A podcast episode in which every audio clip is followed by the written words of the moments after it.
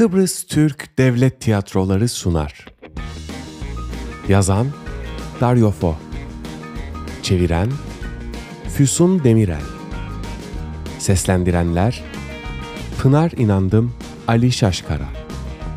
Yöneten Özlem Özkaram.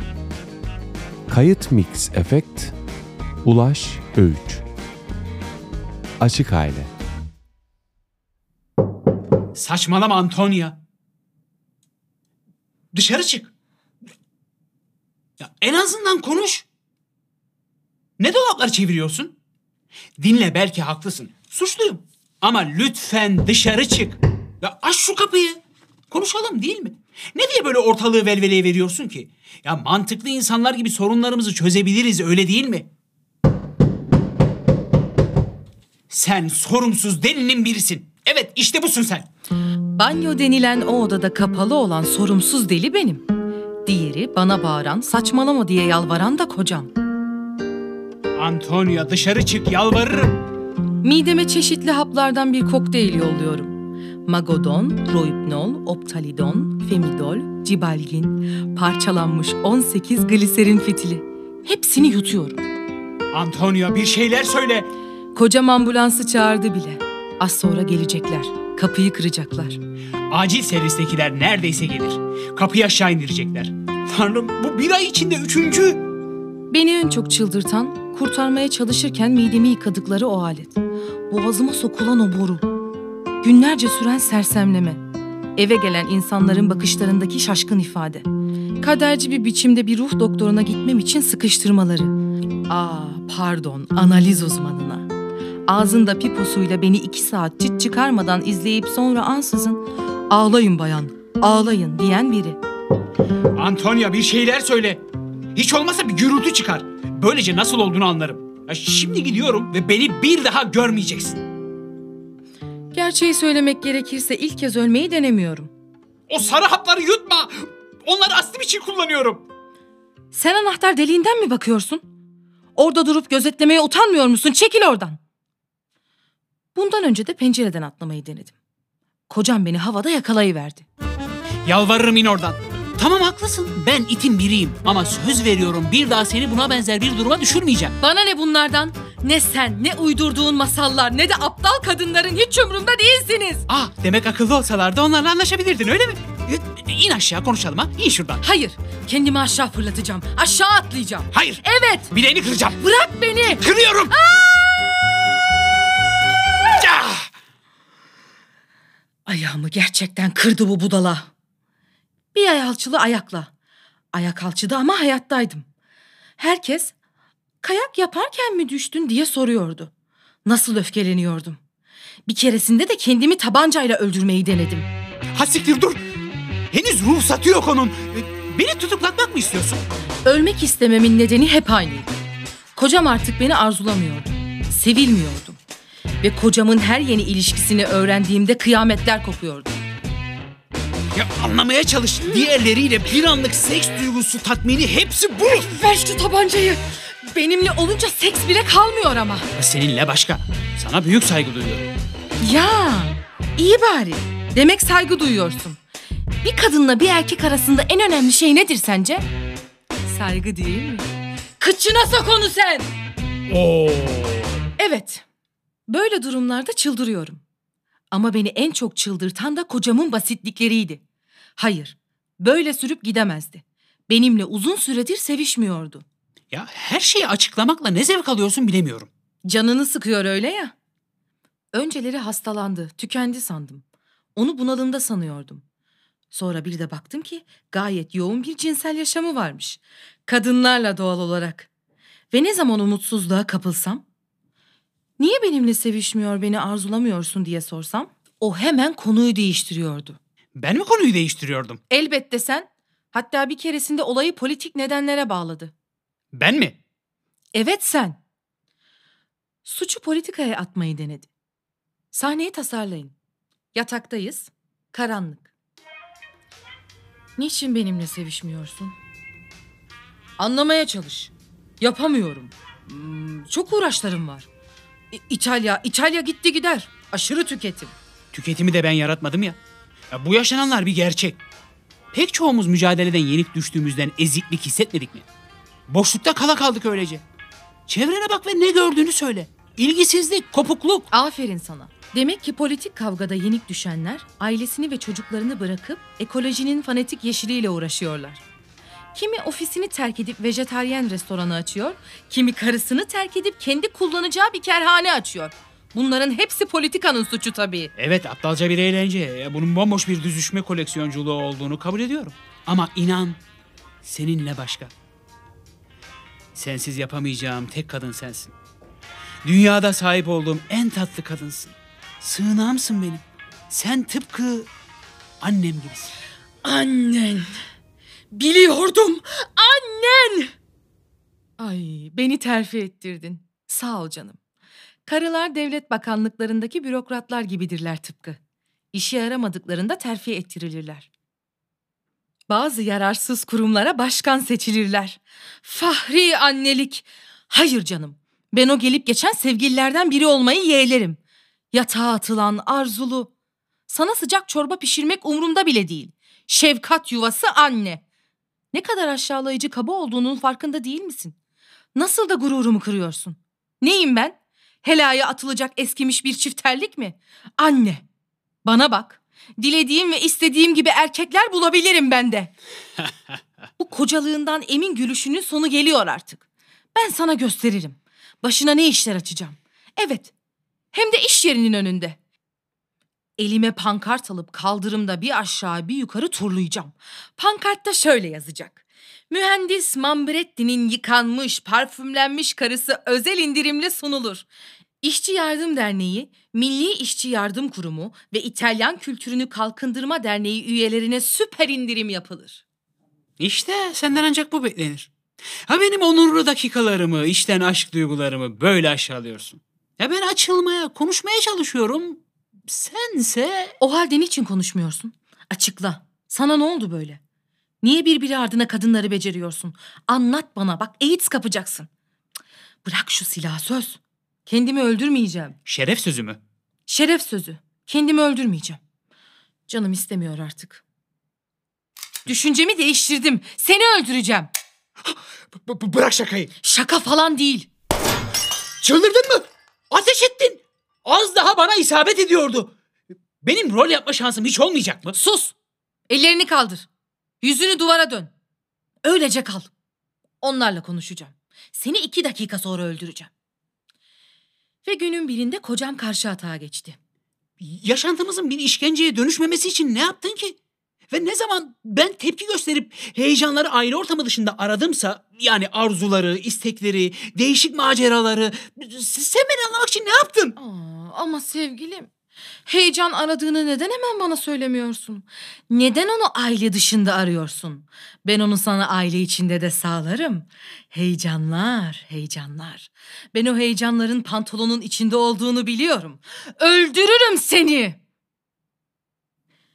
Ne anlatıyordum? Kocam bana karşı saldırıya geçti. Ama hiçbir soruna çözüm bulunmadı. Sen ve ben e, daha açık konuşmalıyız. İlişkimiz sadece kültürel tavrımız değiştiğinde kurtulacaktır. Kötü ahlakçılık, burjuva anlaşmalarının sahtekarlığı. Bunlar üzerine çözümler aradı. Elbette. Ya sadakat yararsız, çağ dışı bir tavırdır. Kapalı çift, kapalı aile düşüncesi ataerkilliğe ve büyük ekonomik çıkarlara bağlıdır. Yani senin asla anlamak istemediğin şey, benim bir kadınla ilişkiye girerken aynı zamanda seninle dost kalabileceğimdir. Sana sevgi duyuyorum. Şefkat, her şeyden önce de saygı. Bunların hepsini tek başına mı düşündün? Yoksa hükümetle bir toplantı mı yaptın? 3 dakikada 28 tane adilik sıraladın.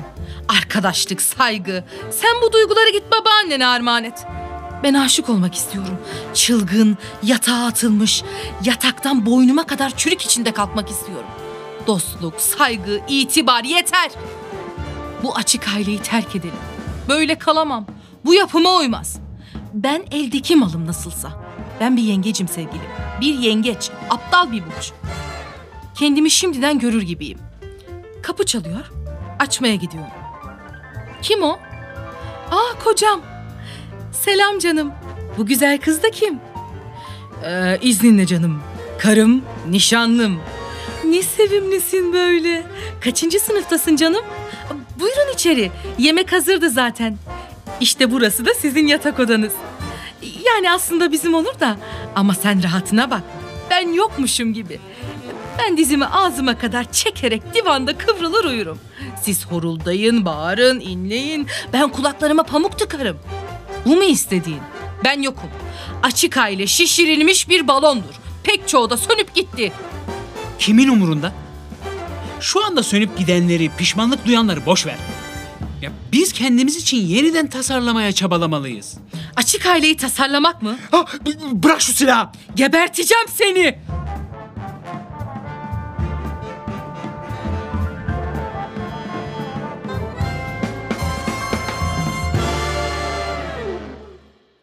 Sonunda beni ikna etti.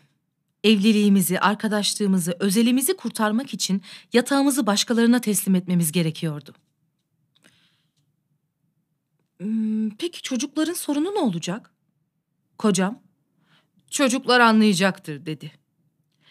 En inanılmazı 24 yaşındaki oğlum Roberto bu konuda bana cesaret verdi.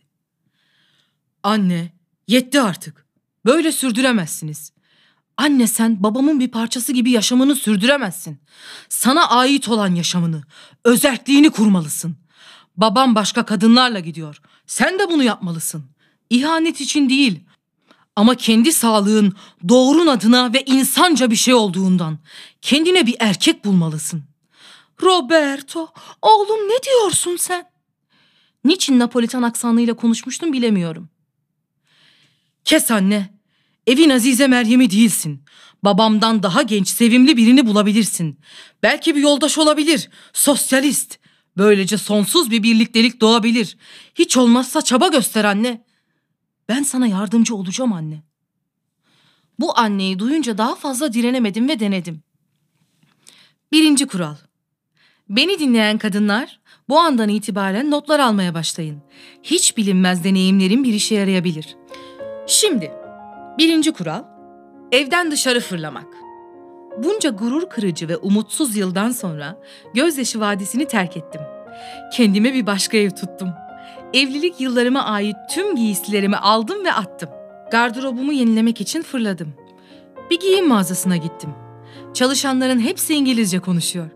Kendime daracık pantolonlar, pileli etekler satın aldım. Pedikür yaptırdım. Saçlar punk, reklamlardaki kadınlar gibi olmuştum. Gösterişli bir makyaj yaptım. Menekşe moru. Müthiş olmuştum. Sonra yürüyüş. Evet. Çünkü bazılarımız artık sevmeyen bir koca karşısında neye dönüştüğümüzü bilirsiniz. Hüzünlü, çirkin, ağlamaklı. Hatta biraz kambur kadınlar oluruz. Mesela ben kalçalarımın olduğunu tamamıyla unutmuşum. Terk edildim evet. Ama benim de kalçalarım vardı herhalde. Onları kullanmıyordum. Kırıtarak yürümüyordum. Düşecekmiş gibi yürürdüm. Kurutulmuş morine balığı gibi. Böyle. Mafsalları tutulmuş bir deve. Sonra neden bilmem hep yere bakardım. Niye acaba? Belki de uğur parası bulurum umuduyla. Ama boş. Sadece köpek kakaları. Hmm, köpekler ne çok kaka yapıyorlar. Ne kötü bir dönemdi. Oğlum sürekli çevremde dolaşıp değişimlerimi izliyordu. Çok mutluydu. Aferin anne, iyi gidiyor. Saçını, gardırobunu değiştirdin. Ama şişmansın anne. Zayıflamalısın anne. İştah açıcı olmalısın. Neyim ben? Penç tavuğu mu? deyip ekmek ve suya talim etmeye başladım. Oruç tuttum. Kendime gülüyordum. Gandhi gibiydim. Aç. Sonra koşu. Footing. Bu lanet olası footing. Kim çıkarmış ki? Deli gibi koşuyordum sabah, öğle, akşam parklarda. Sonra dinlenme aralarında çalıyordum. Ah canım, ne tatlısın. Ne yiyorsun bakalım? Hop, çocukların ikinci kahvaltılarını, Nutella'yı açtım. Ne kadar güzel bir çikolata ezmesi bu. Hmm. Sonra koşuya devam. Sonunda zayıfladım. Oğlum buraya geldi. Ben güzel bir kompliman umudu içindeyim. Dön şöyle anne. Döndüm. Anne etlerin sarkmış. Bu kadar yeter. Yeter dedi. Anlarsınız ya kızlar. 38'inden sonra sarkık kalçaları önlemenin zorluklarını. Oğlum, sarkan etlerim için ne yapmalıyım? Düz yürü. Her gün böyle. Büyülü bir krala benziyordum. Sonra kalçaları sertleştirmek, jimnastik. Böyle çok gülmeyin hanımlar. Yarın sizi de böyle sokakta yürürken görebilirim. Ve eğil kalk. Kondisyonu çok sağlam reflekslerim olmuştu. Bir dakika fazla zamanım olduğunda hop alışverişe çıkıyordum. Bir kilo parmesan peyniri hop. Nereye signora? Buradayım buradayım. Kalçalarımı sertleştiriyorum. Marketçim tasalanıyordu. Ama bana hak veriyordu. Kalçalarınız bugün ne durumda signora? Daha iyiler sağ olasın. Eh böylece zayıfladım. Taş gibi oldum taş. Ama yine de kimseyi bulamadım. Niye bilmiyorum. Pek hoşlanmıyordum. Kimse bana bakmıyordu. Saydam gibiydim. Böyle dönemler olabilir değil mi? Siz de denemiş miydiniz? Hiç kimseyle, hiç kimseyle denemedim. Oğlum, anne, elbette kimseyi bulamazsın. İçin gerili yay gibi. Gevşemelisin, yumuşatmalısın kendini. Sunmaya hazır olmalısın anne. Arkadaşlarınla akşam yemeğe çıktığında çevrende bir bakış aramalısın. Evet, akşam yemeklerim böyle geçiyordu. Sürekli tesadüfen de olsa bana bakan bir göz yakalamaya çalışarak. Aynı şekilde yine bulamıyordum. Sadece bu da değil. Israrla baktıklarım korkuyorlardı. Ee, bana niye öyle bakıyorsun? Kafan yerinde değil galiba. Hayır hayır. Şey e, yok bir şey. Ölmek istiyordum. Size anlatamayacağım o kadar kötü bir dönemdi ki. Sonradan birilerini sevebileceğimi hissettim. 80 ile 94 yaşındaki erkekleri. Mahallemdeki tüm yaşlıların benim için ağızlarının suyu akıyordu. Gençler de e, gencecik. Oğlumun yaşıtları. Hmm, 24 yaşındakiler. Ben de ne arıyorlardı? Oidipus kompleksiyle ikinci bir anneyi mi? Hayda. Çift katlı paranoyak olmuştum. Sadece bir defa maceram oldu. Ne macera. Bir delikanlı vardı. Oğlumun okul arkadaşı. Eve gelir giderdi. İlkokuldan beri. Ödev yapmaya, kahvaltı etmeye, sonra orta, lise, üniversite devamlı geldi. Sonra mezun oldu ama eve kahvaltıya gelmeyi sürdürdü. Bir gün yine mutfakta ona kahvaltı hazırlıyordum. Arkamda. Oradaydı. Masaya oturmuş. Ansızın mutfağımda. Küçücüktü. Bir şey hissettim. Feeling. Bir şey. Ormanın dirilişi. Madonna aşkına. Döndüm ve onu gördüm. Olağanüstü. Yakışıklı. Nasıl yakışıklı. Çok yakışıklı. Orada beni mahzun bir şekilde gözlüyordu. O masmavi gözüyle. Hayır, gözleri iki taneydi. Benim ifade tarzım böyledir. Mavi göz. Bana öyle bir bakışı vardı ki kendimi şey hissettim. Sanki oğlanın başına bir felaket gelmiş gibi elimde güzel, çekici bir sandviçle ona doğru yaklaştım. Oğlan sandviçi tutarken eli elime değdi. Ben ne yapıyorsun dedim. Orada kala kaldı. Elimi çekemedim. Sandviçten ısırdı ve ağzı dolu seni seviyorum dedi. Ben ne diyorsun dedim. Mutluydum tabii. Seni seviyorum. Seviyorum. Seviyorum. İlkokuldan beri. Neden daha önce söylemedin? Ee, doğru değil. Bunu şimdi sizi güldürmek için söyledim. Müthiş olay çıkarttım. Bana bana böyle bir şey söylemek için kimden cesaret aldın? Annen yerindeyim. Utan. Defol bu evden. Yeter artık. Sandviç falan yok. Zavallı çocuğu kovdum. Nasıl üzgündü. Asla teslim olmadı. Sürekli telefonlar ediyordu. Deli gibi aşıktı. Ağlıyordu, inliyordu. Ne acı. Size ne diyebilirim? Bu zavallı çocuğu böyle ağlar, inler gördükçe E ben de bir anneyim. Daha çok dayanamadım. Güzel bir günde dedim ki ağlamayı kes. Ona bir randevu verdim. Çok uzak bir yerde. Yarın üçte görüşelim. Mezarlıkta. Evet. Çok güzel küçücük bir barı var. Cenaze törenlerinden sonra hep oraya giderim. Beyaz gece. Aşkın yaşı yoktur. Yerinden çıkacakmış gibi çarpan yüreğimle bara geldim. O daha önce gelmiş. Beni beklemekteydi ve beni görünce gülümsedi. Bir ağızda bu kadar dişi bir arada hiç görmemiştim. Timsaha benziyordu. İçimden ısır beni, ısır beni demek geçti ama sustum. Oturdum. Garson geldi. Signora ne alırdınız? E ben bir tane... Ya oğlunuz? Ölmek istedim. Neden daima aile tespiti yapmak isterler? Onlara ne? Ee, bana bir çift nane likörü. Ona gazoz. Biberonlu olsun. Ay, midem, ee, karnım. Birden rahatsızlığımı bahane ederek eve döndüm. Yani kısaca tam bir şenlik. Oysa bu kocam olacak adamı benden açık eş. Git rahatça ilişkiye gir onayını aldıktan sonra bir görmeliydiniz. Ah evet, açık ailenin yararı. Artık suçluluk kompleksinin ezikliğini duymuyordum. Özgürdüm. Özgür. Hıh, Yürürken yere basmıyor, uçuyordu. Ben giderek daha paranoyak oluyordum. Oysa yine karmaşık serüvenlerle doluydu. Hepsini anlatıyordu. Affedersin ama bana hep anlat anlat diyen sen değil miydin? Evet, ben mazoşistim de ondan.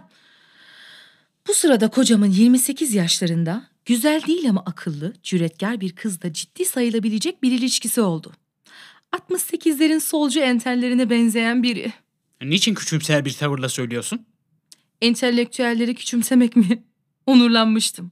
Beni kültüre boğmuştu. Mutfağımı çok severdi. Yerdi, yerdi. Ama nasıl yemek yerdi? Bu enteller kadar yemek yiyen başkasına rastlamadım daha. Çok kötüsün. Evet kötüyüm. Boynuzlardan başımı kaldıramıyorum da ondan. Bırak biraz da kötü olayım. Kocamla olan ilişkisinde talepleri benimkinden çok farklıydı. Kocama baskı yapmıyordu. Yaşamında bir başka erkek daha vardı. O erkeğin de bir başka kadınla ilişkisi. Bu başka kadın bir erkekle evliydi ve erkek de aa, her neyse. Açık çiftler zinciri. Zor iş doğrusu. Kocam ev dışında çok faaldi yani. Evde sadece yemek yerdi. Yetmez mi? Bütün bunların arasında çok tatlı bir kızla daha ilişkisi oldu. Duba gibi bir şey. Sürekli dondurma yerdi. Kışın bile. Kız okula giderdi, kocam da ödevlerine yardımcı olurdu. Evet, oyun gibiydi. Kızla oyun oynuyordum. Doğru, oyun oynuyorlardı. Çarşafın altında gizlenip C saklambaç bana anlatırdı. Hoşuma giden neydi biliyor musun? Çünkü o delinin biriydi. Öyle şeyler yapıyordu ki asla önceden kestiremezdiniz. Naz yapar, ağlar, güler, midesindeki dondurmaları kusardı. Onunla birlikteyken kendimi hem genç bir delikanlı gibi hissediyordum hem de onun babası gibi. Delikanlı bir baba. Basit bir espri. Dikkat et de gebe kalmasın diyordum ona. O da bana dönüp evet ben dikkat ediyordum ama o başka erkeklerle gittiğinde kontrol etmeme olanak yok. Hem de o da bunu istemiyor diyordu. Ne bakıyorsun? Doğru değil mi anlattıklarım? Evet ama son söylediğim şakaydı. Bir gün kocam çok sinirli geldi ve şöyle dedi. Dinle, bunlar kadın işi. Neden Piera ile birlikte gitmiyorsun?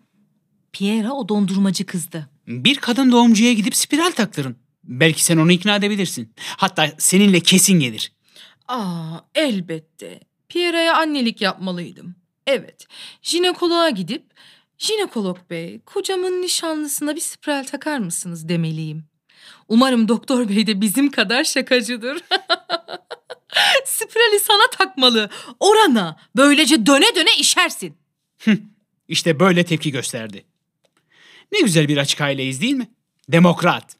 Bu daha bir şey değil. Anlat anlat. Evet. Belki de hiç yumuşak davranmadım. Bir kutu domates salçasını yeni açmıştım. 5 kiloluk salçayı olduğu gibi başından aşağı boca ettim. Çenesine kadar konserve tenekesi. Sonra bu durumdan yararlanıp bir elini tost makinesine sıkıştırdım. Elimde hala yanık izleri var. Dikkat çekmemek için bir hafta parmaklarımın arasına marul yaprağı koyarak dolaştım. Sonra o bağırmalar, hakaretler, gayet demokrat bir açık aile örneği gayet. Peki ne bekliyorduk? Cinsel özgürlüğe doğru dev adımlarla ilerliyordum. Ama o çocuk sevgililerine annelik yapmamı istemesi, biraz saygı, biraz üslup olsa ona ne oldu bilmiyorum. Önceleri böyle değildi. Bir erkekti. Küçümsemiyorum. Normal bir erkekti. Ya şimdi bir kadını bırakıp diğerini buluyordu. Süratle. Bunu soruşturdum. Diğer kadın arkadaşlarımla konuştum. Hepsinin kocası böyle. Bir tür virüs olmalı bu. Hatta kapıcının karısıyla da konuştum. O da aynı. Hep arıyor. Ama kocam sadece aramıyor. Aynı zamanda buluyor da. Manyaklık bu. Tıpkı mantar toplayan mantar arayıcıları gibi. Sürekli ormana gidip değişik mantarlar toplarlar. Sonra yağ içine koyup kuruturlar. Ama kocam koleksiyonlarını da yapıyor. Mantarları, kuşları, serçeleri, minik fareleri. Yemin ederim benim için kabusa dönmüştü. Her yerde onları görüyordum. Banyodaki sabunlukta. Oh, bir farecik. Günaydın. Ayakkabıma uzanıyorum. Aman tanrım, bunlar ne? Bir fare. Hayır, dişi bir farecik. Bu farecikler evin içinde kaçışıyorlar. Kullanılıyorlar ve sonra terk ediliyorlar. İçi izmarit dolu kül tablasının içinden hüzünlü gözlerle bakıyorlar. Genç serçeler akıllı, banal, aptal, iyi, kötü, zayıf, şişman. Onların yaşamaları için ne yapmalıyım?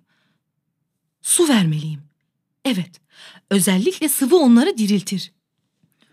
Kocamın fahri ortaklığı olan tohum bankasından da yararlanılabilir. Yeter bu kadarı fazla. Tanrı aşkına şu 3-4 erkek düşmanı rahimli fanatik yüzünden beni yargılayıp mahkum ediyorsun. Aman, aykırı olmanın keyfini sürmek için fazla abarttım. Buna aykırılık mı diyorsun? Beni kıçların ajanı yaptın. Klasik bir vajina en ufak bir duygudan bile yoksundur. Bütün bildiği girilsin çıkılsın. Eğer bana biraz dikkat ettiysen kadınlarla sadece yatak ilişkisinde bulunmadığımı anlarsın. Onlarla konuştuğum da oluyor. Cinsellik olduğunu her zaman sen söyleyip durdun. Sadece seks diye. Evet ama onlarla duygusal bağlarım olduğunu söylersem daha çok sinirlenecektin eminim. Doğru. Seks rahatsız ediyor ama duygusallık daha çok rahatsız ediyor. Yemin ederim ki her seferinde başka bir erkekle ilişkiye girme konusunda kendime koyduğum engelleri anlattığımda evimden dışarı adım atamaz olmuştum. Bana bir yoldaş gibi içten davrandı. Madem konuyu açtın ben sana göre bir adam değilim. Kendine başka bir yaşam kur. Olması gereken birini bul yalvarırım. Bunu hak ediyorsun. Sen olağanüstü bir kadınsın. Yalan rüzgarı. Hayır, hayır. Lütfen. Yapamam. Böyle iyiyim. Benimle yaşamak istemiyorsan yalnız yaşamayı yeğlerim. Ben rahatım. İnan bana iyiyim. Burada evimde samimi söylüyorum. Sonra ağlamaya başlayıp kendini öldürmek istiyordu. Dur. Neyin var? Aklını başına topla. Bir delilik yapayım deme. Dur. Eteğimi çekme. Eteksiz öldürme beni. Ölmek istiyorum. Artık dayanamıyorum. Sana sıkıntı verdiysen beni bağışla. Seninle bir ilgisi yok. Yorgunum, bitkinim, yaşam, politika. Ortak mülkiyet yapamayacağım. Kendimi aşağı atacağım ve düşerken de bir yandan kendime ateş edeceğim. Antonia mantıklı ol. Neden olaylara daha objektif bakmayı denemiyorsun? Normal insanlar gibi davransana. Ve sonunda Antonia'nın da normal insanlar gibi davrandığı gün geldi. Hanımlar beyler, bir yandan konuşurken bir yandan da egzersizlerimi yapsam yanlış anlamazsınız değil mi? Sonuçta formumu korumam gerek. Evet, bu eve taşındım.